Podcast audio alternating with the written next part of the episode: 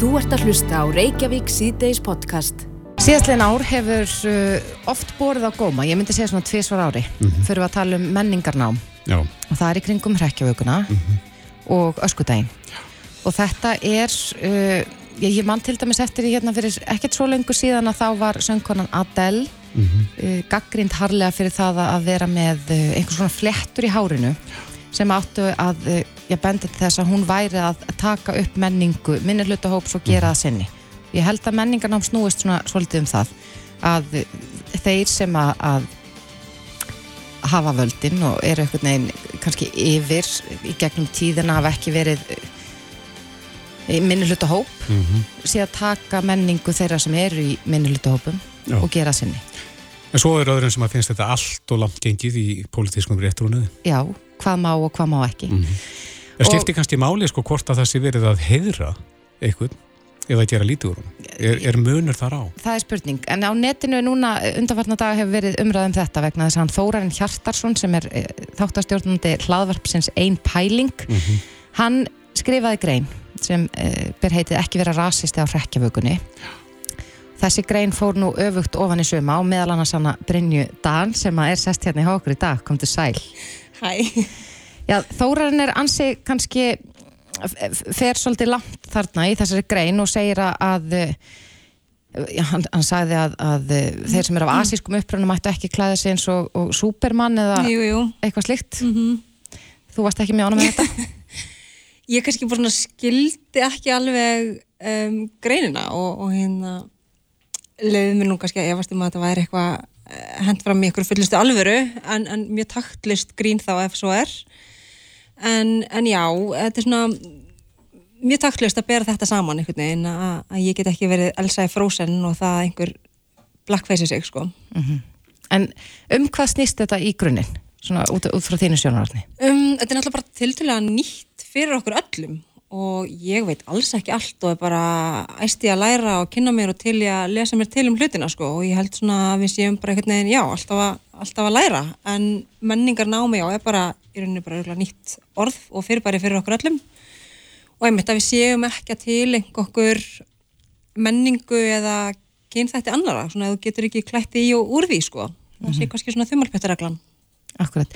En, en hversu langt nær þetta? Nú velti maður í fyrir sér sko ef að ég myndi já, sn- snýst þetta bara um, um sko húðlit og uppruna eða jafnvel líka um sko já, kynneigð eða Ég, þú veist, og segi, ég veit ekki allt en hérna, já, þetta er kannski svolítið svona veist, það er ekkit klift að skorið og það er ekki svart og hvít það er bara, við erum held ég bara svolítið að finna línuna og hún er bara eh, þú veist, liggur á mismunandi stöðum sko, en þetta er svolítið svona að þú getur ekki verið til dæmis í búningnum meðal þess hóps sem hann tilheyrir þá er svarið nei, ekki farið hann.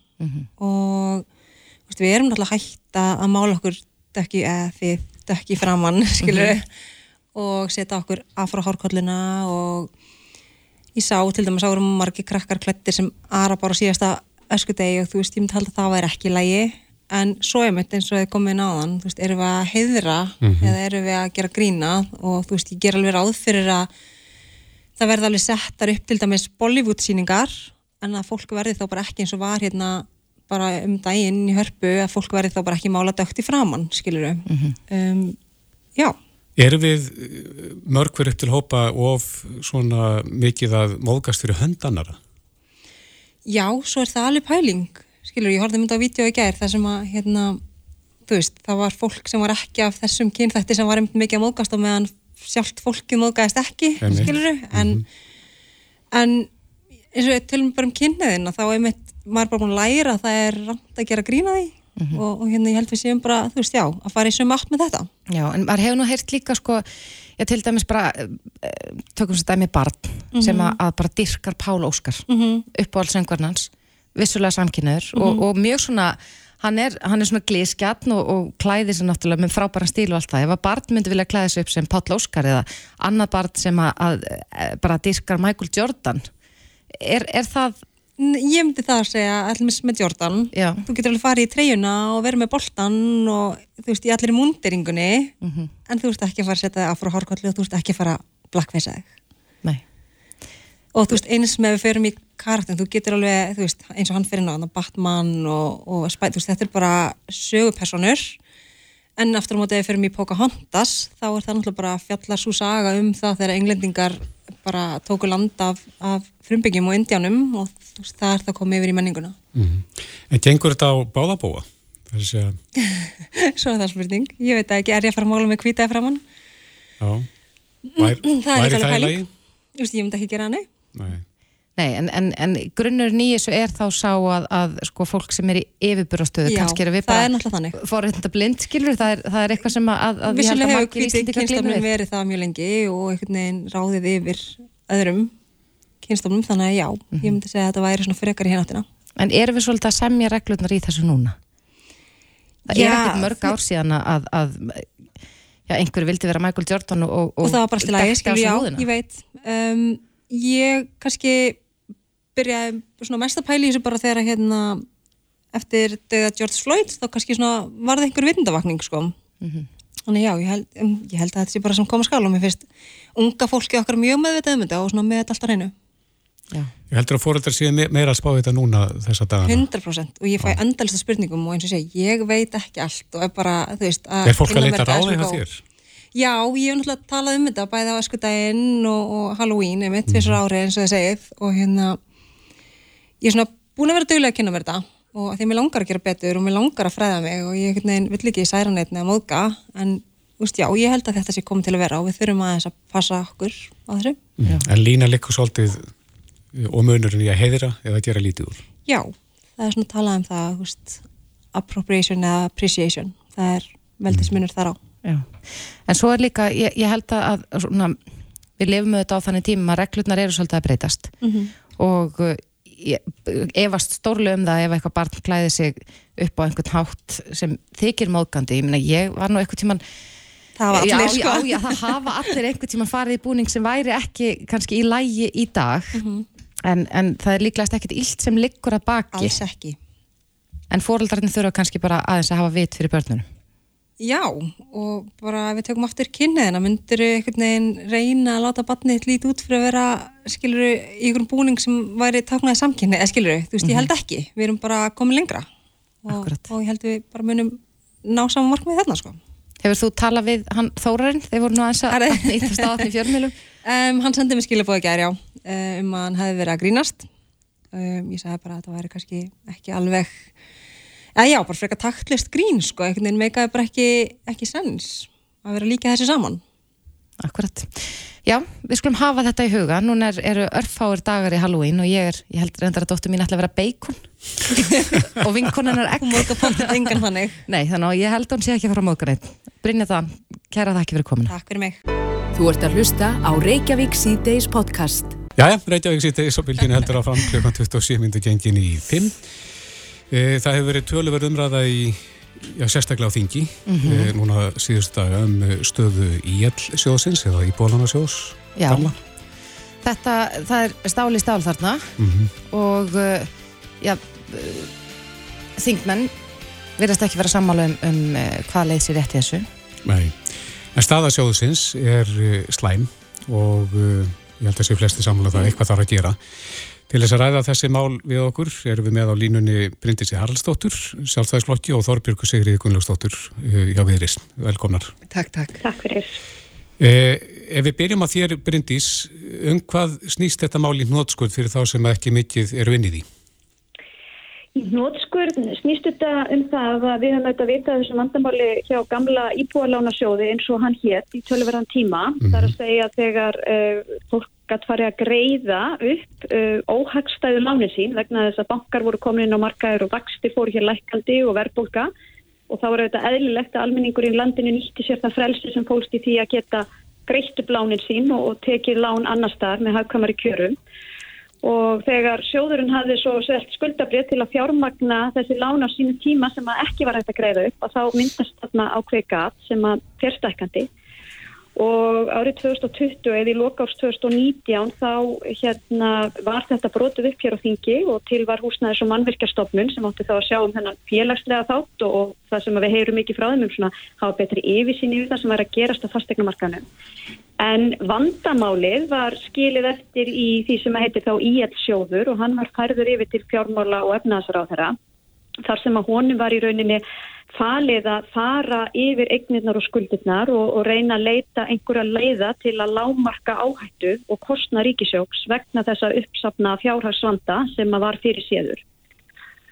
Og núna liggur þess að fyrir skýrsla, það var verkefnahópur á störfum og hérna hann kýtti þessa skýrslu í þinginu í gær bara þar sem að e, fari var þá yfir stöðuna eins og búið er að greina hana og og það eru auðvitað bent á það, það er kannski engin góður kostur í stöðunni en það eru svona þrýr möguleikar og það eru ekki verið tekið utan einar ákvarðanir en, en það er svona ljóst að þjármálar á þeirru sérst mæla með þeirri lausna að slítast sjónum og, mm -hmm. og hérna lámarka þannig e, áhættu ríkisjós en það verður þó mikið að hafa það í huga það er samt fyrir að tala um að gera upp sko eignir og skuldir sjósins þannig að þeir sem eiga þessi skuldabíðar ekki að tapa peningum fyrir að tapa mögulegum vöxtum og ávöxtum fram í tíman e, auðvitað af því gefna þeir get ekki ávöxtað peningana áfram en, en ég ber nú fulla tröst til hérna lífeyrissjóður og aðra sem eigið brefa þeir getur það bara nýtt þetta fjármæk til að ávöxta það áfram mm -hmm. Þorbergs, er, er, lítur málið eins út frá þínum bæjardyrum séð? Sko, þetta er kannski mál sem er bæði flókið en líka einfalt Þannig að það er hægt að fara aftur í söguna og þarna voru gerð mistök sem eruði til þess að staðan er svo sem hún er. Í hverju voru mistökju fólki? Eh, það liggur fyrir heil rannsóknar skýsla um það, mm -hmm. um, um kervislegar breytingar á útlánum hjá Íbúðalansjóði. Í grunninn bara að Íbúðalansjóður stendur eftir með sama kostnað af brefum en minnitekjur. Mm -hmm. Bankarnir komin á markaðin og allt umhverju breytist en, en þeir eru með óuppsegjanlegar kröfur. Hvernig gerðu nýstökinn? Eh, það, bara, það er bara hrein og klár og skýrsetning um það í þessari skýslu rannsóknarnefndar að þetta eru pólitísk ábyrg sem eru gerð á sínum tíma uh, hjá framsóknarflokki og sjálfstæðsflokki. Það þarf ekki eins og að, að dela rétt um það, það, það bara liggur fyrir dómur í því máli og sem að segja í gegnum þessa skýslu. Síðan er þetta bara, og það er alveg rétt hjá Bryndisi, staðan í dag, verkefni í dag er hvernig á að leysa úr þeirri stöðu sem upp er komin en hefur verið e, e, í kortunum í langan, langan tíma. Það eru að tala um að þessi sjóður tapi einum og hálfum miljardi hverjum einasta mánuði og hefur gert það mjög lengi.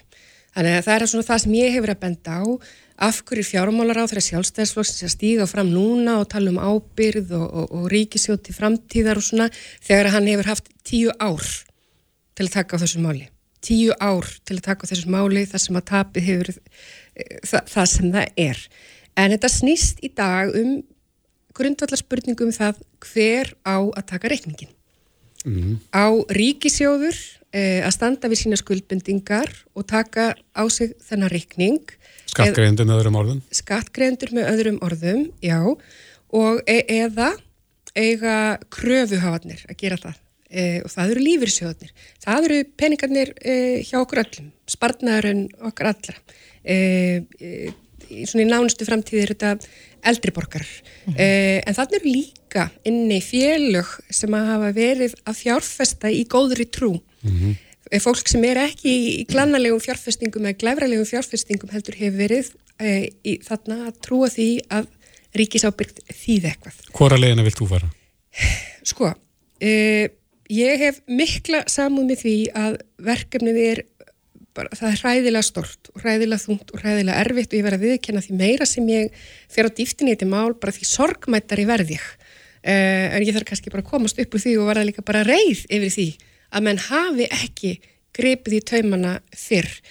Uh, sko, ég heyri að fjármálar á þeirra tala mikið um sparnað fyrir ríkið en það eru auðvitað aldrei sparnar í tjóni. Alltaf spurningum það hver á að borga uh, og talar um það að hann sé að forða framtíðar kynsluðum frá einhverju tjóni. En með því að ríkisjóðir takit á sig þá eru ákveðin verkværi þar uh, til þess að breyða, uh, hérna, dreifa tjóninu með, með sangjörnum hætti út versus það að við bara hendum þessu út í samfélagið og, og látum fólki borga.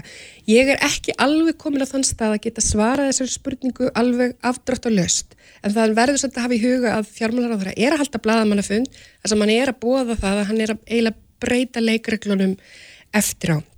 Við sáum viðbröð markaðarins við hans orðum að hann heldur bladamannafund þar sem hann hótar lífur í sjónum að þeir gangi til samninga við hann að þá verði sett lög þetta hafi dramatísk áhrif á fjármálamarkaði, bref hérna hríðilegka í verði, mist hafi verið atriði, var búið að kanna það hver viðbröð markaðinnes yrðu, þetta eru orð á þeim toga að þau geta haft áhrif á lánshæfismat e, ríkisins, e, það liggur fyrir lögfræði á lit sem fjármálaráðra lit vinna, mér finnst eða aðteglisverðast þar að það er ekki verið að svara þeim spurningum sem þarf að svara. Hafa lífeyri sjónur til dæmis heimildir til að semja fyrir hönd fólks með þessum hætti, er þetta umbósfygg og svo eitt í viðbót e, þannig verið vísa til þess að þetta, þetta sé heimilt vegna þess að svona hafi verið gengið fram í hrununu það eru engar þær aðstæður upp í íslensku efnarslífi að súrauksundafæsla eigi við. Nei. En Bryndis, það er talað um að hann hefði geta grepið inn í fjármálaráðura á þessum tíu árum, akkur er núna? Eh, einfallega vegna þess að eh, fjármúla efnaðsráð þeirra fekk verkefni semst í hendurna 2020 og þá sögðum við hér lögjafinn að það væri hans verkefni Fjármála ráð þeirra fyrir alltaf með ríkis ábyrðir Bitið, bitið aðeins, við skulum út af því þú varst nú einu sinni líka í því ráðhennetti sem að sáum þennan málaflokk Fjármálar ráðra fyrir með yfirskjöld ofnbæra fjármála. Svo hérna Þorbjörg fyrir yfir að það er þetta yfir vita í tölumina tíma og við vegum auðvitað skýslu frá hérna hruninu og annað og farið yfir yfir yfir það hvað mistök voru gerð. Ég, Mér finnst í rauninni stærsti lærdómarna þessu sko hvað það er í rauninni áhættisamt að standa í fjármálarekstri Þannig að allir þeir sem hafa verið að tala fyrir hér samfélagsbanka held ég ætti nú að skoða mjög verð samfélagsbankan í bólánarsjóf og, og í hvaða stöðu við erum hér með það.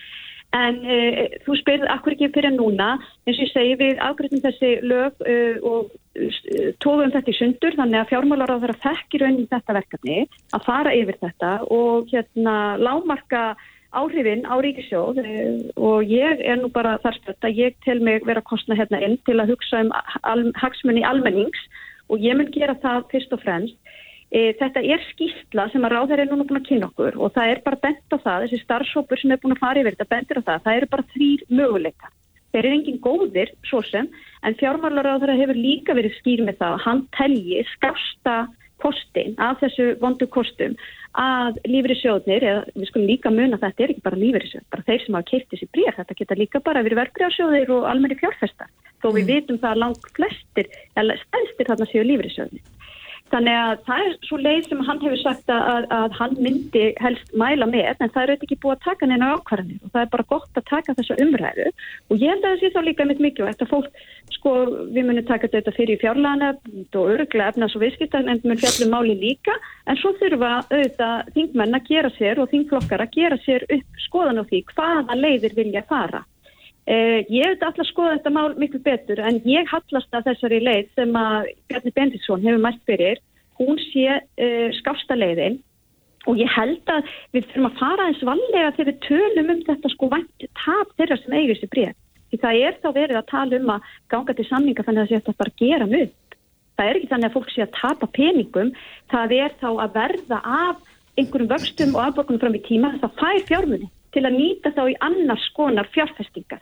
Þannig að ég ætla nú ekki að vera svo svart sín að halda það að, að þetta minni með einhverjum hætti leggjast hér á eldri borgara þessa ríkis við einhverjum miklu tapi. Mm -hmm. En verkefnið er stórt, það æpir á okkur og ég held að sé bara ábyrða hluti hjá fjármálur að það hafa komið fram með þessa skýslu og ég held líka í ljósti þeirra upplýsingar sem er í skýslunni að þá hafa verið nauður í kostin að kynna það með, með bladamannafundi eftir nokkuðun markaðar á þessum degi til þess að vera alveg hreinskilin með það að allir sætu við sama borða eftir það sem likur fyrir í skýslunni. Það þarf að leysa þetta mál og þegar tala er um lánshæfi ríkisins og fólk hefur áhyggjur af því að þá hefði ég nú frekar áhyggjur af því að það hefði áhrif á landshæfismat okkar ef að ekkert er aðgert og ef að það verður yfirlí stefna ríkistjórnarinn og þingsins að láta þetta bara rúla og taka tapið á sig. Þá er alveg ljósta að skuldir ríkisins eru mjög meiri heldur en uh, núverandi reikningar gefa til kynna. Mm -hmm.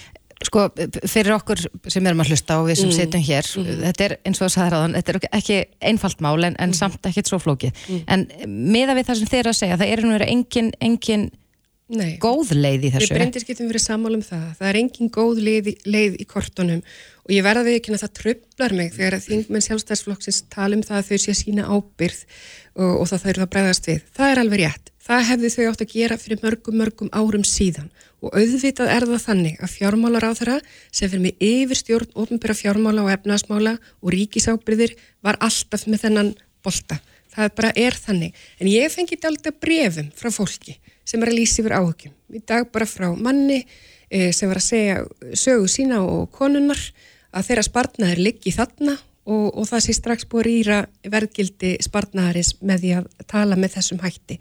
Þannig að það er alltaf ljóst að fólk er að taka á sig högg en það er bara spurning hvernig, hvernig við ætlum að, að hérna e, við, hvernig við ætlum að deila þessu tjóni og hérna Þar finnst mér glannalegt að fjármálaráður að hafi farið fram með þeim hætti sem hann gerði á bladamannafundi með því að tala svona um að þið geti samið við mig, ef ekki e, að þá gerist hitt og þetta. Bryndís nefnir að þetta síni að það sé áhættu samt að standa í, í svona rekstri og nefnir samfélagsbankan. Mm -hmm. Ég meina, ég myndi segja fyrir mitt leiti, það er áhættu samt fyrir almenning að vera með sjálfstæðisflokkin í fjármálaráðundinu. Það er niðurstan.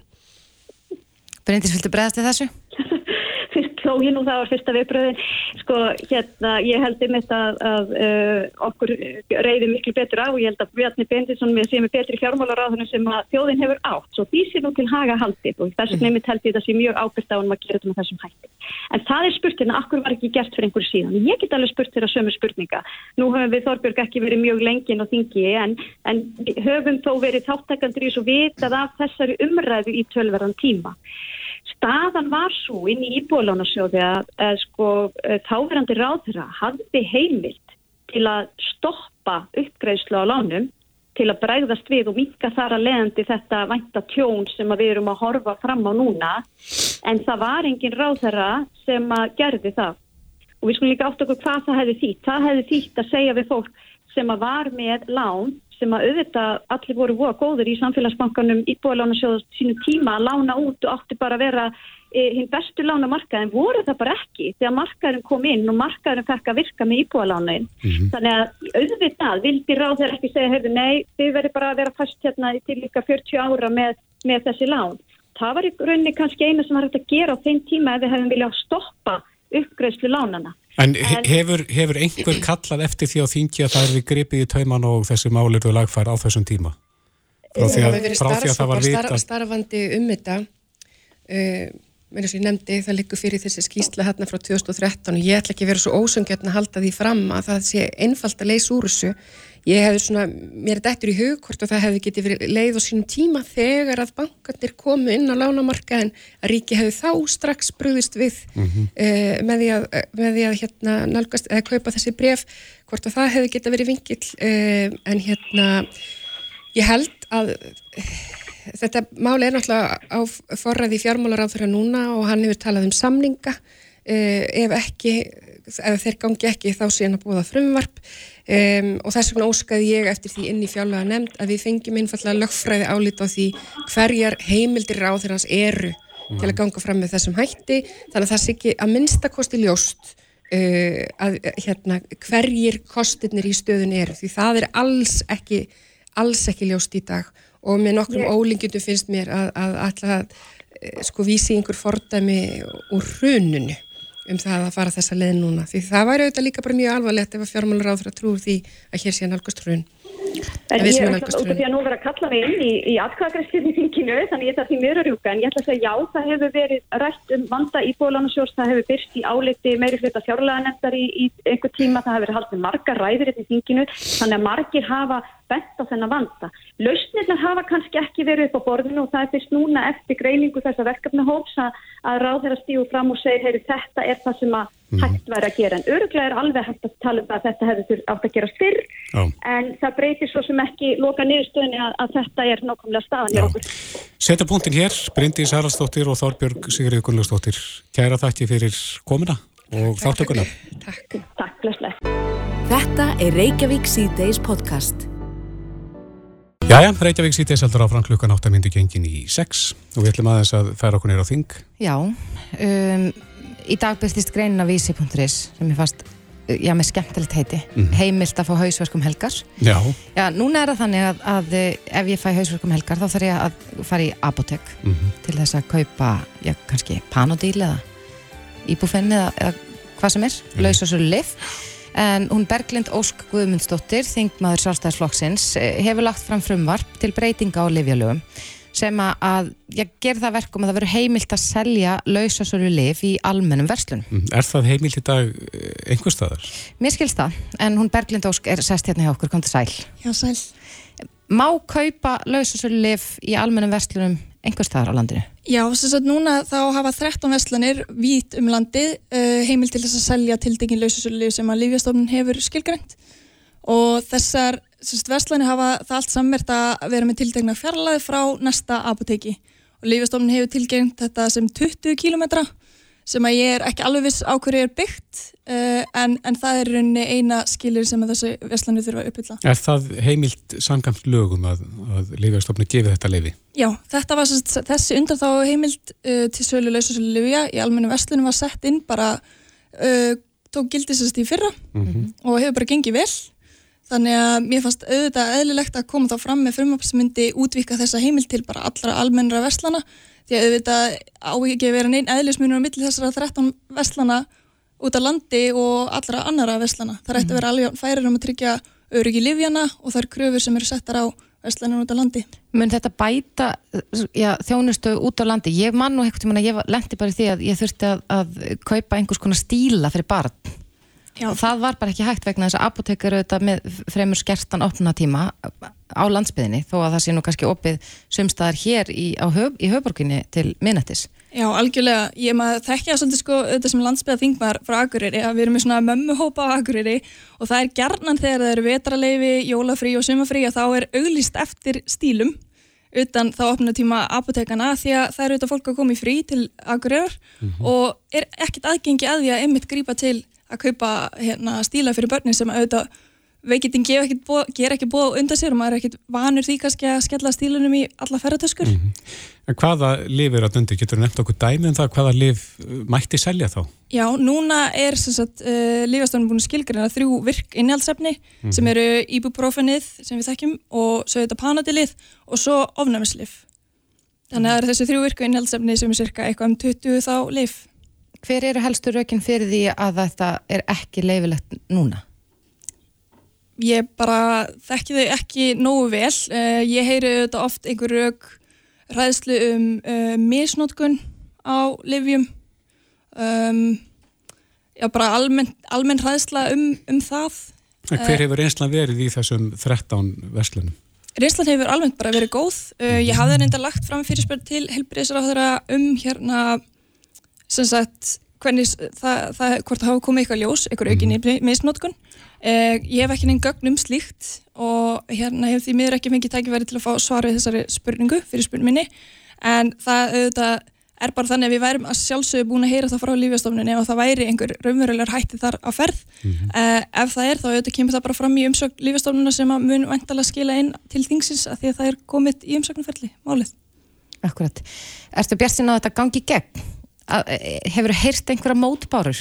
Nei, sko í rauninni hef ég ekki, ekki innan þings heyrt neina mótbárur. Uh, utan þings hef ég mest fundið fyrir stuðningi við málið.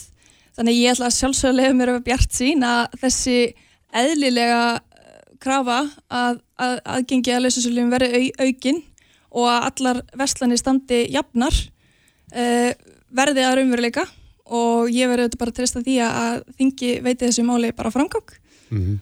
og hérna og vona að það verði að lögum. Eru margir með þér á þessu fyrirvarpi? Já, uh, það er bara mjög þjættur hópur af þingmönnum uh, og hópi sjálfstæðismanna og pírata og viðrisnar sem að standa þessum máli með mér. Þessi þrjí flokkar? Já. Já, uh, já þú ert, og þú ert hérna jákvæð? Ég er mjög jákvæð, að sjálfsögðu. Einn spurning á lókum kannski, hvernig er þetta í landunum í kringum okkur? Ég, svona, ef maður hugsar til þess að kaupa já, svona, þessi helstu bara verkjalið eins og pandíl eða eitthvað, að þá eins og í bandaríkjunum þá er náttúrulega allt til í öllum verslunum Já. Hvernig er þetta til dæmis á Norðurlöndunum? Eh, Á hinum Norðurlöndunum er þetta opið og það er selt í flestum löndum öðru af Finnlandi utanskildnu. Þá er lesusulif selt í almennu verslunum. Það eru auðvitað bara einhvers uh, eðlileg skilir, einhverja eðlilegur kröfur settar á sölu aðalegana sem að lífjastofnun hefur sett á þessar verslunni sem selja hér lendis. Þannig að ég myndi upptælja að það, einmitt, við ættum bara að taka þetta litla skref í að, að auka jafnbræði verslana á landinu hér í samræmi við það sem er í gangi á, á hinum Norðurlöndunum. Akkurat, það verður spennandi að fylgjast með hvort þetta nái fram að ganga. Algjörlega. Hvenar verður uh, skorið úr um það? Það er frábær spurning. Dagskráin á þinginu er auðvitað alltaf síbreytileg. Uh, ég vona bara að nefndin hefur núna tvær vikur til umsagna, umsagnafrestu sem sagt og þá bara vona ég að nefndin uh, fari til verka og, og, og fá inn umsagnaðalina og, og vinni þetta mál áfram. Heldur að Lífjastofnun setja sig upp á mótið þessu? Ég bara ger mér ekki alveg grein fyrir því, ég Nei. vona ekki. Nei. Berglind Ósk Guðmustóttir, þinguna sjálfstæðisflokksins, kæra þakki fyrir komuna. Takk. Þetta er Reykjavík C-Days podcast. Í dag er búið að vera nokkuð áhugavert að fylgjast með vísi.is mm þar sem að, að það kom á viksl viðtöl við annars vegar Guðlug Þór Þórðarsson, umhverfis orku og loftslagsráðara og svo Bjarnar Benediktsson, formann sjálfstæðsflokksins. Guðlug Þór segir að það sé ennþá óákveðið hvort hann bjóði sig fram til formanns flokksins. En slagurinn er samt hafinn. Hann er eiginlega hafinn, já, en Guðlugur hefur þó sagt það að hann ætli, ef hann uh, ætlar að, að bjóða sig fram, að þá mun hann fyrst segja Bjarnar frá því. Hann mun ekki Já. tilkynna það í fjölmjölu. Nei, akkurat. Andris Jónsson, almannatengill og stjórnmálarínir er komið til okkar, vel, velkomin. Takk fyrir. Ja, hvernig metur þú svona fréttir dagsins? Þetta náttúrulega uh, byrjaði í gær, en uh, telur þú að þetta sé klappað og klárt og ákveðið? Ég myndi til að ég auknandi líkur á því að hann sé að fara fram, já. Ég, ég, ég bara gerir fastlega ráð fyrir því með að við bæði hafði maður heyrt einhvern ávinning að því á undanfjöndum viknum, uh, vikum og svona úr herbúðum bjarna heyrðist manni að það væri ákveði vannmatt á því. Svona veldu fyrir sér þetta ekki að væri bara til að styrkja stöðusina fyrir landsundin og kannski er þið frambóð frá einhverjum í, herbú, einhverjum í, í svona uh, úr herbúðum guðlaus í einhverju embætti og áttu greinlega ekki vona því að, að hérna, þetta geti gæst að, hann fari í, í mótrömbu gegn Bjarnar Bjarnisinni þannig að ég tel eh, að þetta sé búið að vera lengi í undirbúningi, þetta sé velskipulagt og bendir allt í þess.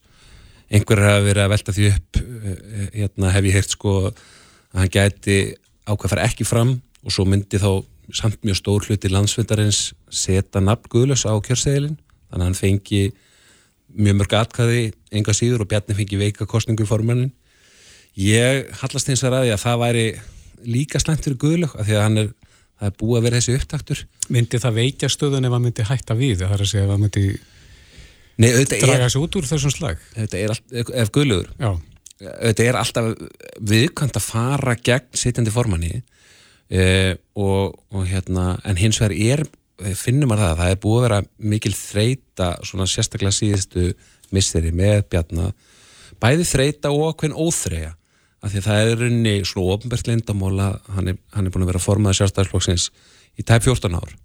Og hann er um þessa myndir, hann er kosin í byrjun á 2009 og eh, hann er búin að vera í stjórnmálum all, nokkur lengur um það. Frá 2003 ef maður rétt. Þannig að uh, hann er verið á 20 ára þingi uh, rosalega dóminandi mikill leitu hefur farið gegnum erfiða tíma og komist í gegnum alla. Og það er svona óþrjá með vitan og útleið og hann hefur svolítið kannski verið grunnur um það að hann ætlaði að kjósa sig einu svona enn innan fresta landsvendi vegna COVID ætlaði að kjósa sig einu svona enn og svo mun hann fara í sér rókeringar eftir áramót og ætli þá ég að skipta sjálfur ráðanindi, hann hefur orðað það sjálfur. Og það verður svona svanasöngurinn og hann sé svona stýra sinni arfleið og stýraði hver verði arftækins. Og Guðlaugur sem hefur náttúrulega verið haft þann metnað og, og það hefur ekki verið hlendamál að verða formað sjálfstæðsflokksins og líka búin að vera lengi í stjórnmálum, alveg eins og Bjarni að hann horfið bara upp á það að Bjarni sé að stýra tímalinni ég lesi þetta þannig að hann segir bara heyrðu, ég ætla ekki að láta stýra því að ég verði einhvern veginn hérna settur, tekin úr auðvitaðkisandunni settur í minna ráðuniti, þetta er mikið ráðundi allt það. Ekki hafður með svona einstu ráðum, Bjarni svona er raunin ekki með neitt í- með í ráðum, maður heyrði það á Guðli í dag hann talar um það, hann veit ekkit um hvað sé að fara að gerast í þessum ráðarkapli og það er þetta hefði fyrir því að formin ráði svolítið miklu um það hvernig sti- stilti bliðinu en mér finnst Bjarni kannski hafa gert ákveðin mistök í því að átta sig ekki á því að það væri komin sér þreita og óþrega og svona spila eins og hann væri með fyllilega sterkastöðu hann, ha- hann hefur svolítið verið að deila og drotta og svona leggja línunar og, og, og þessi umræðum ráþara kapalinn hefur alveg haft svona, óst, eða svona haft þau áhrif að það er óstöðuliki í, kringu það fólk sem er orðað annars verið við að fara inn eða fara út og, og hann hefur kannski aðeins ofmyndi það að, að hann geti bara tímasett nákvæmlega hvernig hann stýði niður En, en uh, nú er komin að stað einhvers konar atbyrðarás, má segja. Hann er- atburðarás. Já, er, er, hægt að, er hægt að bakka úr þessu?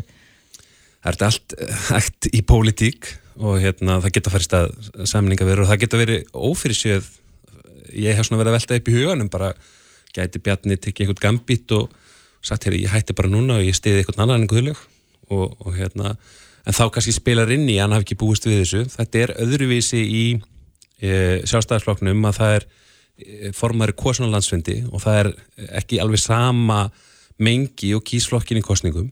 Ég hugsa að ef þetta væri kosið meðal, eh, meðal kjósenda sjálfstæðarflokks það hugsa ég að Bjarni hefði frekar sterkastuð en það svona er ákveðin fórustu hérna uh, semst, svona, hérna hotlistakakast fórustu fólki inngróin svolítið í þann flokk. En það er erfið að segja með landsund Guðlur hefur verið mjög sterk og það er algjörlega óumdeilt að hann er mjög góður í því að rækta flokksmenn.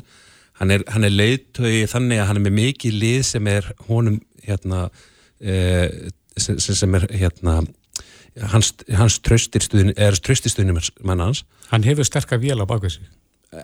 Ekki spurning. Það var náttúrulega Áslið Arna fór óvand gegn honum í reytaran á sín tíma og þá ákvaði hann að taka ekki slægin Mhm. e, og las það stöðuna þannig svo eh, bauð hún sig fram gegn honum í óttetanum og fór nokkur nálæti en hann leita það sem stiður hann, sigur að hann, hafi, hann auðvitað vann þann slag með einhverjum nokkur undir matkvæðum í mjög svona stóri prókjuri þannig að ég held að hann hugsi bara, heyrði, ég þarf bara að uh, hérna, fara núna eða nýta mér þessa stemningu sem að þessa, erfileika sem Bjarni er að fara í gegnum koma óvænt annarkvært vinna eða tapa tæplega. Og ég hugsa með við stöðuna eins og hefur, hún hefur að þróast fyrir guðlu á síðustu mánuðum og síðustu, síðustu misturum í pólitíkinni að þá hafi staðan að vera að veikja skakvart í að verða formaður. Og hún verði sterkari jafnvel þá hann tapi með 40% eða 45% eða einhverstað þar að þá, þá verði hann sterkari eftir til þess að verða formaður næst heldur en ekki Mm. Þú sagðir á þann að, að þessi flettir í rauninni búin að vera í gangi ykkur tíma. Að er verið að taka Bjarnar svolítið í bólinu með þessari fletti núna? Já, ég, þetta er bara það, það er náttúrulega hérna uh, þannig er svolítið pólitíkin og hérna það er gott að, að að vita fyrirfram hvað þú ætlar að gera og að anstæðingur vita ekki. Það er auðvitað svona að lítur aldrei vel út innanflús átök lítur aldrei sérstaklega vel út kakvart almenningi. Það sé kannski áhvert sem umfyllarefni fjölmela og svona spjalláta sko. Þannig að hérna eh, en, veist, þetta eru samt leikreglunar það er hægt að bjóða sig fram bara alveg fram á landsfund. Og, og það er í sögu sjálfstæðarflagsins mörg dæmi um það að frambóð hafi komið seint og, og óvænt frambóð þannig að, og ég hef alveg heyrt það að þú veist, það er fólk sem að er ekki vennilega að sækja landsfundi sjálfstæðarflagsins sem he- hefur verið skráð sem landsfundafulltrúar og það eru nokkra viku síðan. Á vegum hvers þá? Guðlustóðs og hans stuðnismanna hans hörðustu svona uh, lautinandar þannig að, og, og að báðum kynjum. Akkurat, en, en segjum sem svo að, að já, Guðlaugur myndi tilkynna Bjarnar það og síðan fjölmjölum að hann ætlaði að bjóða sig fram. Hvernig verður þá næsta vikan? Verður þetta mjög hörð uh, kostninga barótta þeirra á milli næstu vikuna? Já, það er náttúrulega búið að velja landsvöldafulltrúa þannig að svo staða er, er, það er ákveðin fasti vandalega sem þeir telja sig eiga uh, þú veist, það hefur talað um ákveðina þingmenn sem hugsanlega myndu styðja við, við, við guðlög, en á endanum er tölur fjöldi bara sem mun ákveða sig á fundinum og reyna kannski eh, að vera á vinningsvagninum eða þannig að það munum skipta mjög miklu að svona hérna að virðast vera líklegu sigurveri það getur alveg fleittir yfir. Við sáum það að Hanna Birna sem fór gegn uh, Bjarnabenn í formanskjöri síðast uh, hérna ekki síðast, það var endar hérna, Kristján Þóru var það ekki sem gerði það eftir á nei, fyrst Kristján Þóru og svo Hanna Birna. Og hún hafði mælst í könnun sem var plantað í hennar stuðnismunum í viðskiptablaði. Uh, uh, fekk svona einhver kannun hjá almenningi um það að var- flokkurinn er stærri ef hún var í formaður hún tapar endanum held í 44% á móti 55 en þá hafði Bjarni farið í sjónvarpið í mjög eftirmilið viðtal þar sem hann spurði hvort hann liði með þetta mótrambóð og hann svona komst við. Einhverjir munað þannig að hann hafa farið að gráta en ég held að þið sýnið hérna, upptökaða sig þá fór hann ekki að gráta. En hann síndi svona á sig nýja hlið og, og það held ég hafi snúið svolítið tablinu á sama tíma og Hanna Birna náði á sístu dögunum, hún kom svona frekar óvand líka ekki lengur fyrir landsund og það, það, hún margi tölda hún hefði geta unnið eh, hún hafi verið unnið verið með unnið tabl og ha- hafi verið of sigurvis eh, og þetta verði og því, því myndi ég segja að þetta verði mjög hörbarátt fram á síðasta dag ef hann fer fram En eh, svona kannski lokin eh, ef hann fer fram, e- eða fer hann fram að þínu mati og hvernig fer þá kostningin? Eh, Ég ætti að segja, of erfitt að segja hvernig kostningin fari uh, hérna, en ég tel yfirgnæðandi líkur, nánast örugt að hann fari fram og ég tel mjög líklegt að hann sé búin að tryggja sér það mörg að hvað hann styrki sig við það. En hvort hann felli bjarna uh, sem væri þá, það væri gríðalega fréttir í ljósi bara þess hversu Bj- Bjarni hefur rauninni verið hann hefur verið við völd í, ef hann klárar þetta kjörtíðanbil sem hann gerð þó ekki ef hann fellir sem formaður vantalega þá var hann vera við völd í 12 ár veist, einn lengst í nútíma lengur en Davíð Oddsson í formastóli. Hvaða áhrif hefði þetta á stjórnarsamstarfið? ég myndi segja að það er því sölu, hvað segir maður? Síðastu söludagur á því er því myndi stittast uh, þetta byggir rosalega mikið á uh, vináttu Bjarna, Katrínar og, S- og Sigurðaringa trösti þeirra á milli ég held að stjórnum myndi ekki springa við það en hún er miklu ótryggari og myndi líklega ekki lifa af, ég held að hini flokkarnir myndi vilja sprengja stjórnum á einhverju öðrum fórsendum heldur en þessu. En það er kannski annað líka í þessu það sem hefur skapað þessa stöðu það er það að það er farið í þessa stjórn aftur.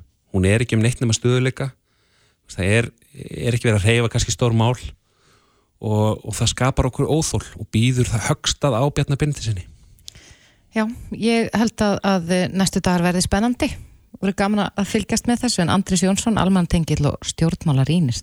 Kæra þakki fyrir komuna. Takk Reykjavík síðdeis á Bilginni podcast. Fastegnafréttir í Reykjavík síðdeis er í bóði Pálsson fastegnasölu. Heima er best. Já, þá er komið að þessu vikulega en að þessu sinni ætlum við að opna fyrir síman. Já, það er spurning ef þið hafið einhverja spurningar eh, fyrir Pál Pálsson, fastegnarsala. Hvað sem er, er það ekki Palli? bara allt sem tengist fastegninniðskiptum Já, kannski ekki alveg hvað sem er. já, já, hver veit hver veit, maður veit aldrei Þú hvað getur kemur að inn svara meiru heldur en við kannski höldum. Já, já, ég veit ekki hvort það kemur eitthvað vitrænt upp úr því samt nei. En símanúmeri hér er 567 11 11 ef þið viljið uh, spjalla við Palla. En við höfum nú farið um víðan völl hérna í uh, undanfarna mánuði þegar við komum til okkar hérna á 50 og, og við höfum rætt fastegnamálum frá mjög mörgum hliðum. algjörlega Er eitthvað sérstakt sem stendur upp og hefur þú fengið já, mikið af spurningum svona frá fólki á förnum vegi? Já, sko, allavega fyrir mér er þetta hefur vakið svolítið aðtigli og það er náttúrulega svolítið skondið að sko, þegar við byrjuðum á þessu bara fljótlega upp á Vestlandmehelgi Mhm. hvað raun og veru markan hefur breyst mikið á þessum tíma, sko. Á þessum stutta tíma. Já, þú veist, það er bara raun og veru kemur þarna í raun og veru framhaldi að vaksta hækkunum, sko, þá náttúrulega breytist markaðurinn náttúrulega, sko, verður náttúrulega hægt að, að sko, hækka svona mikið á svona skömmun tíma og maður er ekki að sjá, sko, eina til þryggja minnum hækkunum hverju mánuði Hefur, hefur markaðurinn kólnað með veðrinu? Það má ég alveg segja það, en sko það er pínuð, sko orðið kólnað er mikið notað í fréttaflutningi, en hann er langt frá að vera döður Nei. og það er, sko, það er ágætt að gera. Og það er góðaði markaði núna að hann er svona raun og í pínulegu fullkónu jafnvægi, það er að segja að það er getað til keift, það geta allir selt. Það sem hefur verið erfitt undan fyrir tvö ára, það hefur bara enginn getað keift það er bara, bara eftirspurnin hefur bara verið svo mikil og, og frambúðið það lítið. Já. Ég skilst að þessi hlustand á línu, góðan dag. Góðan dag. Hver er þar? Ég var eitthvað, Sætli, var erst þú með spurningu fyrir Pál? herðu, já, ég ég langaði að spyrja hann hérna, nú er ég komið samtækt tilbúð í hús í Vóana, Vóanum mm. og ég er sérst að flytja mér set út af því að það greiðsli byrja að setja mig á á hliðina Mm.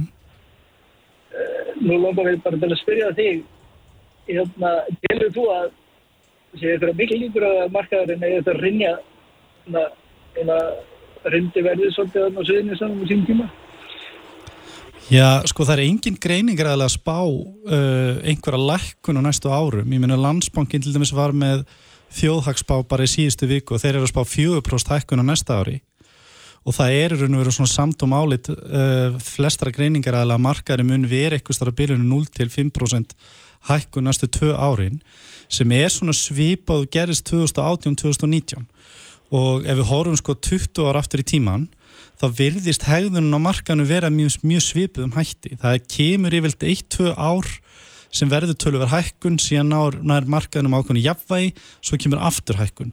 Og það er ágætt að hugsa til þess að sko, meðal hækkun frá aldamótum hefur verið ekki stabilinu 9-10% ári og markaðurinn hefur yfir tíra tíanbili hefur hennur aldrei lækkað. Ef við munum sjá einhverja mánuði þar sem verður einhver lækkun en það verður mjög fljótt að jafna sig. Já, Þannig að- var einmitt svona var með opið hús að fastinsalega var með opið hús og ég átti nú vonaði eitthvað, það er bara næst ekki neitt Nei, það, ég, þetta er algengara í dag en langstæðista ástæði þess að sko, e ef að fólk mætir ekki í opin hús eða, eða færðinga fyrirspurnin eitt, þá er lang algengast ástæðan að verðið er of hátt, þar að segja að það sé ásett verð. Ef að fólk er að mæta og kaupir ekki, þá er yfirleitt út af því að það er eitthvað að eigninni sjálfri. Já, já það er, Þannig að- hann segir, og- alveg fyrirspurnir sko en ég náttúrulega veit, í raunin ekkert um það Já, en líkil atriði þessu Ívar er bara að vera þólumóð líka og Já, fólk já. er að sína því skilning að, að sölutímin er kannski tvær og upp í 6-8 vikur. Og uh, þeirra eru keðju líka þá, þá bara að verða bara allir að sína þólumóð en þetta er bara hér nýju veruleiki og það tímabil sem við upplifum núna síðustu tvö ár, það er að segja lágu vextir mikil eftirspurt, lítið frambóð við erum ekki að sjá sambarlegt tímabil koma aftur á svona næstu 10, 15, 20 árum. Þetta fyrir að vera að verða meira normið en auðvitað munu vexti lækka og verðborgar lækka og það kemur meiri hraði á, á markaðin en þetta er bara eins og, er eins og við þurfum að fara að venjast, svona er bara markaðin Já, já, það er þetta Ferðu, takk fyrir þetta Ívar Takk Ívar og gangið vel bless, bless. Og þá fyrir við bara á næstu línu, Bilkjan, góðan daginn. Halló, Kom til sæl, hver er þar? já, góðan daginn. Hvað heitir þú? Ég er, að, he- ég er að heyra svo mikið í útvarpinu. Já, Já, lækkaðu bara þessi útvarpinu, ætlar ekki að tala við Pál Nei, Pálsson? það er slögt alveg á útvarpinu, sko. Já, einmitt. En ertu með spurningu fyrir Pál, varandi fastegna kaup? Halló? Nei, hann Nei. þetta línu þessi. Við minnum á það, símanúmer hjá okkur er 567 11 11, ef þið eru með spurningu, en það sem að koma inn á hann Ívar, er, það, það er kólnun á, á markuðum núna, mm -hmm. uh, þessum fastegna markaði. Mhm. Uh, má búast því að hann fari aftur upp á við þegar það losnar þú og vextir lækka? ég á vona því að ég á ekki vona því að markarinn verðin muni hækka eitthvað svakalega ég á vona hins vegar að sölutíminn styttist Mm -hmm. eins og núna er sölutíminn að lengjast við finnum það öll og þessi sagallin sem Ívar að lenda í að eignir eru, það mæti bara engin opið hús, er verið algengur og algengara. Eru fyrstu kaupendur uh, sá hópu sem að vantar mikið núna? Nei, kannski ekki alveg sko. Það, þeir eru ennþá mjög virkir. Mhm. þeir eru bara náttúrulega bara ekki eins virkir áður og og veru þeir sem að voru með 90% eða ósku eftir 90% láni að þeir náttúrulega þeir veru ekki möguleika á markaðinum í dag. þú þarft að vera með lámarki 15% útborgun til eiga síðans Mm Jæja, prófum næstu línu, góðan dag. Já, góðan daginn. Hver er þar? Fyrirgeðu, Farðin, heiti ég. sæl, ert þú með spurningu? Svona samvinsku spurning til Páls. mm.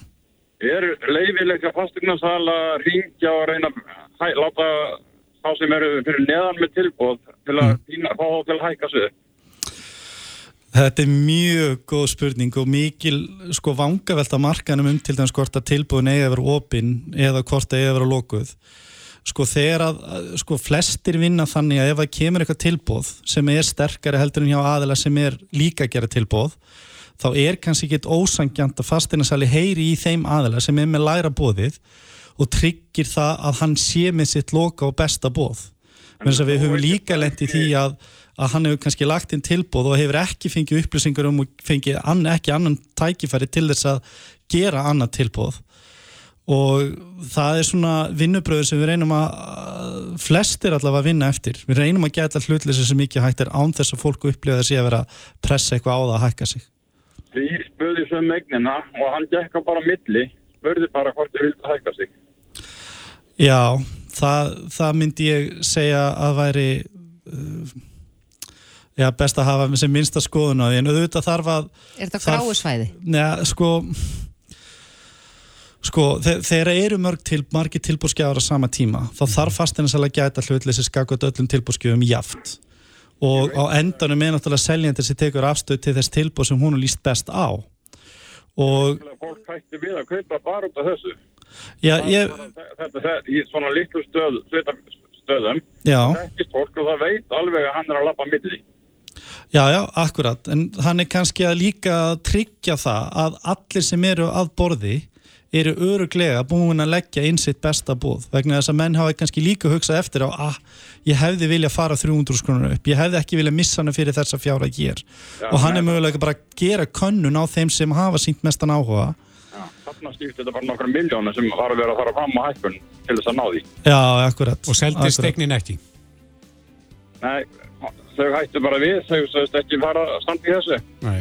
Nei, nei, nei. Þetta er vand með farið, ég get alveg sagt það en ég, mig grunar á við sem flestir að gera okkar besta í þessu Ljómandi, takk fyrir þetta. Kæra Takk fyrir vinnu, gangið þér Já, takk. Herru, þá komumst ekki lengra, því miður. Þetta var síðasti hlustandi með spurningu, en Páll, þetta er í síðasta sinn, að sinni, í það mista, sem að þú mæti til okkar á þessum tíma. Já. Ég sé að það loga allar línur þannig að fólk er greinilega þarf bara að fletta þér upp og þér. Já, það er allt í læg, það er allt í góð Já, já, já, já Já, en þetta er búið að vera skemmtilegt og búið að vera gaman að fara svona eins yfir fastegnumarkaðan Mhm. enda eins og við höfum sagt hérna áður að þá er þetta eitthvað sem að snertur okkur öll Já. einhvern tíman á lífsleginni. Það er rétt, þú búið að vera frábært að vinna með ykkur í þessu Bara mjög þakkláttu fyrir samstarfið Sömuleiðis, eh, Páll Pálsson, fasteignarsali, kæra þakki fyrir komuna. og Takk fyrir samstarfið. mig, takk kærlega fyrir mig Hlustaðu hvena sem er á Reykjavík C-Days podcast. Er ekki hægt að segja það, að það sé svona ákveðin haustbóði eða jafnvel uh, bóðum það að veturinn sé að byrja þegar að- að umgangspestirnar Jú. byrja svona að hrannast inn. Það má segja það. Og maður bara sé það í kringum sjálfan sig að það eru ansir búin að vera svona slapplegir eða hóstandi, nefrensli og slíkt. Já, sammála, ég hef séð þetta bæði á vinum og fjölskyldu að það eru svona margir búin að vera að glíma við einhvers konar veikindi. Kemur þetta með höstvindunum? Það er stóra spurningin. Á línunni hjá okkur í dag er hún Sigurður Dóra Magnúsdóttir, framkvæmdastjóri lækninga hjá heilsugesslinu, kom til sæl. Já, selvverði. Er þetta eh, bara merki um það að sé byrjað að kólna og, og skólanir uh, byrjaðir og, og þar fram eftir göttum? Já, þetta er nú bara svona eins og við sjáum alltaf á höstin, bæði eins og sé, kólnar í veðri og við erum meira innan hús og meira í náveru og þá bara eru þessar pestir svona árfisfylgir fiskur. Já. Hvers slags pestir er þetta helst, helst sem að þið eruð að sjá? Við erum að sjá bara heilmikið um bara efri loftvöðasíkingar, bara k- gamaldags kvef sem getur náttúrulega verið dálítið þrálátt og leðilegt en, en eh, svo erum við náttúrulega eh, og af þessu verður náttúrulega að einhverjum fylgisíkingum með lúnabólgum og kynhálubólgum en það er nú sem betur fyrir mjög sjálfgeft ef fólk bara fer vel með sig. Svo er náttúrulega ennþá dálítið COVID Já. Hvernig eru tölutnar í kringum það? Er, er ennþá margir að, að greinast daglega? Já, það eru nokkur týjur á hverjum degi en sem betur fyrir hjá flestum að þá er þetta nú eins og slæmt kvef og ekki meira. Mm. Þeir sem eru bólusettir og svona, þeir, er, þeir sleppa nú alveg ágætlega. Já. Maður er nú aðeins farin að gleyma sko, hvernig lífið var hérna fyrir eh, hvað maður að segja ári síðan. Eru einhverja reglur í kringum það hvernig fólk á að hegða sér ef það greinist með COVID? Nei, það er bara svona tilmæli. Já. Fólk er náttúrulega beðið um að halda sér til hlés og vera ekki margmenni og gæta þeir personubundu sóttörnum en það er engar ákveðna reglur en það eru tilmæli. Já, en á það kannski bara við um aðrar umgangspesti líka að við ættum að fara að venja okkur á það að mæta ekki með pest í vinnuna. Já, það á það nú og sérlega maður verður bara aðeins að skoða hvernig aðstöður eru á vinnustad. Mhm. Ef maður er í margmenni eða með viðkvæman hópi kringu sig, þá á maður náttúrulega bara að ha- halda sér til hlés en maður vinnur ykkur staðar í einrúmi, þá er nú ekkert mál að mæti vinnuna. Nei, en eh, það er nú ekki langt síðan að uh, við rættum saman hérna um nýju auglýsingaherferðin ykkar þar sem að, að, að þi- það var slagurðið heima er pest hvernig hefur það gengið? Að, að Jú, halda fólki já. heima meðan það er með pest Já, við svona, erum nú svona velta því fyrir okkur að, að það verðist bara vera svo mikil ásókn í þjónustu og mikið um pestir að við vonum að þessi auglýsingaherferð hafi skilað ykkur en, en það er nóg að gera enga síður. Það finnir þið fyrir því að fólk er að halda sig heima meira núna heldur náður og, og ringja kannski frekar. Já, ég held að fólk sé að, að taka hans marka þessu og svona átt að segja á því að það er ekki, síklarlif er ekki lausnin við öllum pestum heldur Ma, maður á að nota þessi svona húsaráð og fara vel með sig og taka í róleg og nota lífsölulegs líf sem eru lausasölu til að leta sér lífið, hvað sem er nefnsbrei eða parataps eða eitthvað svona. Já, en mælið með því þegar að fólk er að fara út, er kannski með ekkur, er pínu slaft að það noti grímur? Noti grímu eða haldið fjarlæð Mm þannig að ef það er í svona ef það er í sko um, ef það er að fara í eitthvað margmenni að maður er ekki að mælast til þess að fólk sé að fara mikið margmenni óvarið. Akkurat En, en uh, Sigriður, hvenar hefst svo flensu tímabilið? Þetta, Já, það er nú akkurat það. Það er nú komin daldil flensa um, en, og töluvert er að greina flensu svona hér og þar um landið en það er ekki komin kannski beint flensu farandur. Oftast hefur hann ekki komið fyrir á nýja ári en, en það er, sótandulegnir er svona fylgjast aðeins með. Er þið búin að greina af hvaða stopni flensan er á þessu sinni? Um, alveg öruglega er veirufræðin búin að því. Ég bara hef ekki akkurat uh, nafnið. Nei, en þið eruð ekki að bólusetja, já, þið eruð ekki að bólusetja kakvart öllum stopnum með það. Nei, en það er nú, við bólusettum alltaf þetta, flensubólefni er búið til eftir því hvað er í gangi í Asíu og, uh, og þannig að það er nú alltaf reynd að taka mið af því hvað er í gangi þannig að það er nú bólusettu svona þeim stofnum sem að vonir á hverju sinni. Já, þannig að þið hitt, eitthvað hitti oftast í mark. Svona sæmilega, en það er aðeins mismunandi. Þá náttúrulega skiptir líka svo miklu máli að við hugum okkur vel og eh, séum með, förum rólega bæði hver og einn sem er veikur en líka þá reyna að forðast að vera að smita aðra. Þetta hefur allt áhrif. akkurat En Sigriður, ertu með einhver skilabót til landsmanna núna þegar að flensan er farin að banka upp á og, og umgangspestirnar já, að ganga manna á milli? Bæði náttúrulega komið þær bólusetningar sem eru í bóði, bæði flensubólusetningu, er þetta panta tíma helsugessastöðunum í það þegar fólk er ekki búið að fá bó, bólusetningu. Og, og COVID-bólusetningu líka, hún er ráðlega fyrir alla eldri en 60 og, og aðra sem, sem- sem hafa áhuga á. Og svo líka svona aðeins að fara vel með sig og um, vera heima og gæta því að drekka nóga vel og, og taka í rólega og þá gengur þetta yfir á, á einhverjum dögum Já. eða einn- einn til tveim vikum. En þú nefndir COVID-bólusetninguna, er fólk að sætjast í hana eða, eða finnið þið fyrir einhverju deyfð yfir því? Nei, það er alltaf eitthvað um COVID-bólusetningar og, og þær eru bóði alltaf ykkur staðar það er svona aðeins mismundi skipulegð en það er í bóði allar vikur COVID-bólusetningar. Já. Akkurat. Já, Sigriður Dóra Magnúsdóttir, framkvæmdastjóri lækninga hjá heilsugjastlunni. Kærar þakki fyrir þetta. Takk sem er leiðis.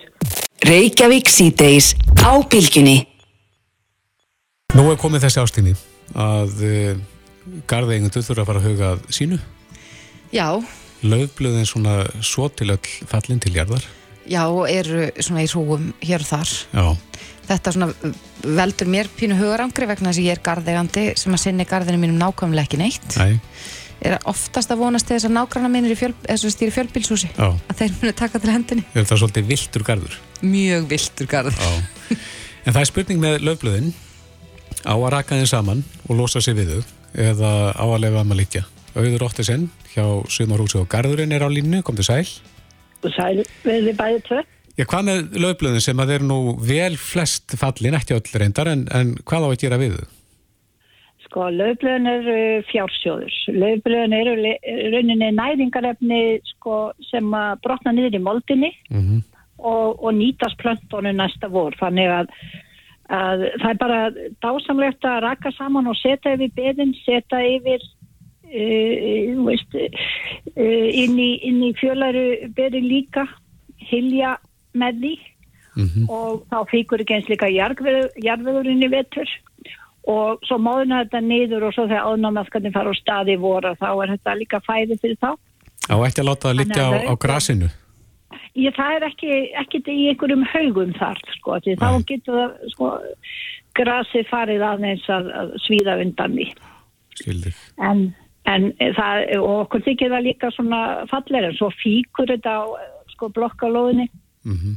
hjá mig, stöllu okkar hérna sem að er á bílkunni. Já, einmitt. Þá, já, þá hérna, þá fíkur það bara og það þarf að geta verið eldast við það. En ég er þess aðeins að ég sko er búin að nota allt mitt laug í garðinum og setja í beð og ég verði mjög fegin ef einhver kæmi hérna með nokkru póka handa mér. Já. Ég líti á það sem slíkan fjársó. Þannig að þú óskar, óskar eftir því, þú þurftir eiginlega bara að gefa upp heimilisfang svo að einhver hlustandi getur nú Já. fært þér smá fjársjóð. Já, takk fyrir. Fossið eitt á selfossi. Já, vel þekktur En garður. ég, en ég nota líka laufi, sko, ég geimi það til vetrar og nota það í, í safnöðin á móti allir efnir sem er komur eldur. Þá er það svona þurrefn á móti já. Þannig að þeir sem eru í, í moltugerð þá er þetta æðislegt eiga svolítið að laufi. Það skipti máli hvernig lauf? Er það bara öllum trjám eða? Já, það má vera alveg, það hefur svolítið verið að vara við því að ef að það er sko síkt, sveppasíking í öspum sem var mjög ábyrjandi hérna fyrir nokkrum árum, að þá var mælt með því að vera ekki að nota þau Nei. af því að gróin lifa áfram, Já, já. en að öðru leiti er þetta bara öll lauf sem má nota. En auður, er eitthvað meira sem við þurfum að hafa í huga sem að eigum garða? Já, það er, það er sko að hlúa viðkvæmum tegundur, svona fjölaringum, þykkblöðungum, húslauk sem að hérna geti farið illa í, í en- endurteknu sko frosti, tíðu og frosti. Og Það hvað á að gera? þannig- Það er, mandarinn í kassarnir er núna að sko dettin í vestlæðinar og það er mjög góðir kassa til að skella yfir svona lávaksna plöntur. Bara á kvolf? Já, bara kvolf og setja kannski jafnvel bara stein yfir svo hann sé ekki að fjúka neitt og, og það er til bóta, þetta er svona í görðum það sem eru fjölar bet og svo er það nú reyndar ekki kannski fyrir eftir áramót sem þarf bara að, að, að hérna, hlýfa sígrænum gróðri. Og fólk er að binda eh, sko búið svona intern og tjöld og setja stryga í kringum.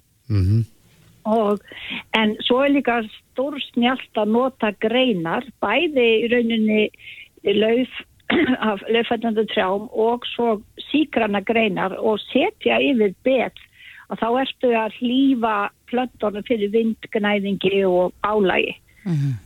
Það er til bóta. Já, en, en sko, mér minnir nú að við höfum eitthvað tíma rætt við þig varandi svona lauka. Er, er núna rétti tíminn til þess að skella þeim niður?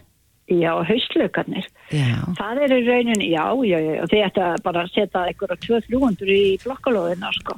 Ég Ef var bara stórlega um að ég muni, muni gera það auður, bara ef ég á að vera alveg hinskilinn, en, en kannski, kannski eru aðrir. Þú setur bara, setur Þannig bara auðlýsingu í stegagangin og hvetur. Já, það, það- það, er, það er svo mikið úrval á haustlaukum og mikill fegurt og svo er, sko, fyrstu laukarnir er að koma upp í mars, april og, og svo getur maður raðað í beðin svolítið eftir því hvenar maður vill fá þá upp og þá getur maður verið með blóngun alveg fram í, í júli.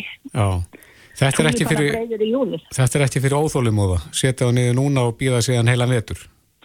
Þetta er bara ymmit fyrir þá sko að því að óþálumóður er líka svo gleymnir og hérna, ef við skulum gefa okkur það og þá munar ekki eftir og verða mjög hissa í vor þegar það kemur. En það, glaðir. þetta, er mjög, þetta er mjög fljótgert að setja Mhm. niður haustlaug og þeir eru líka svo ódýrir miða við blómi sem þú ert svo að kaupa á vorin. Þannig að allir út að fara að kaupa sér lauka. Já, du, sko, Hey, ok, nú ætlum ég að koma með mjög, mjög svona, já, gæti verið heimskuru spurning, ég er ekki alveg viss. Dugar Mhm. þetta bara eitt skipti, ef maður setur niður lauka, er það bara, Mhm. þetta blómgast einu sinni og svo bara búið, og maður þarf að setja aftur Nei. lauka næsta haust.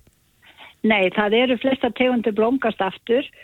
Það er spurning hvort að sumar er sjón og langt fyrir túlipanulauka. Ef það er gott sumar og þá bæta þeir við sem þeir eru að koma upp aftur, aftur, margar af tegundur sem ég sett niður. En, en, hérna, en ekki, það er ekki algilt að það gerist. En, en páskaliljur, er bæta við sig og koma aftur og aftur og aftur. Já. Og, og þessi smáðugsur krókusarni bæta bara við sig og koma. Þannig að þú ert bara með, þú leggur einn laug og ert komið með fjársjóð. Þetta var frábær spurning, Þórdís. Já, ok, ég held að hún væri kannski eitthvað í gegn, sko. að einhverjir Nei. eh, svona mistarar eins og auður myndu gera grína mér. Já, nei, alls ekki. Ég elska vittlisar spurningar því það eru oft besta. En það er eitt, eitt laugur sem að kemur viklu gagni það sem er músagangur og það heitir keisarakróna og hann lyktar alveg gríðarlega illa. Hann ekkit, við myndum ekkert fíla hann að hafa hann inni hjá okkur einhver tíma en fólk er að setja hann í bílskúra og hjólhísi eða við svona fellihísi Inni? Já, og það fælir músina frá. Já, hvað heitir hann, segir þið? Keisarakróna. Keisara króna, já. Keisarakrónar fyrir uh, þá sem að er að glíma við músagang. Mm Já, svo er eitt enn af því þeir eru að spyrja svona almennt að þá mæli ég með að fólk sé ekki að klippa þær tegundir af trjám eða fara snirta neitt þær, þær tegundir sem að eru útsetta fyrir sveppasíkingu. Reynir tegundir, byrki, víðir, gullregn. Mhm. En svo erum að gera að, að, að snirta í gardinum síkrana gróðurinn og nota það í afvendaskreiti því nú sátíma koma sko. Já, hvað með ávaxtatrén? Má snirta þau núna? Ég myndi geima það fram yfir áramót af því að það er, það hefur orðið vart sveppasíkingar í ávastatrám, Mm ekki algild en það hefur orðið vart við hana og þetta er akkurat sá tími sem gróin eru á ferð, Mhm. svona framundir og yfir, rétti yfir áramót. Akkurat.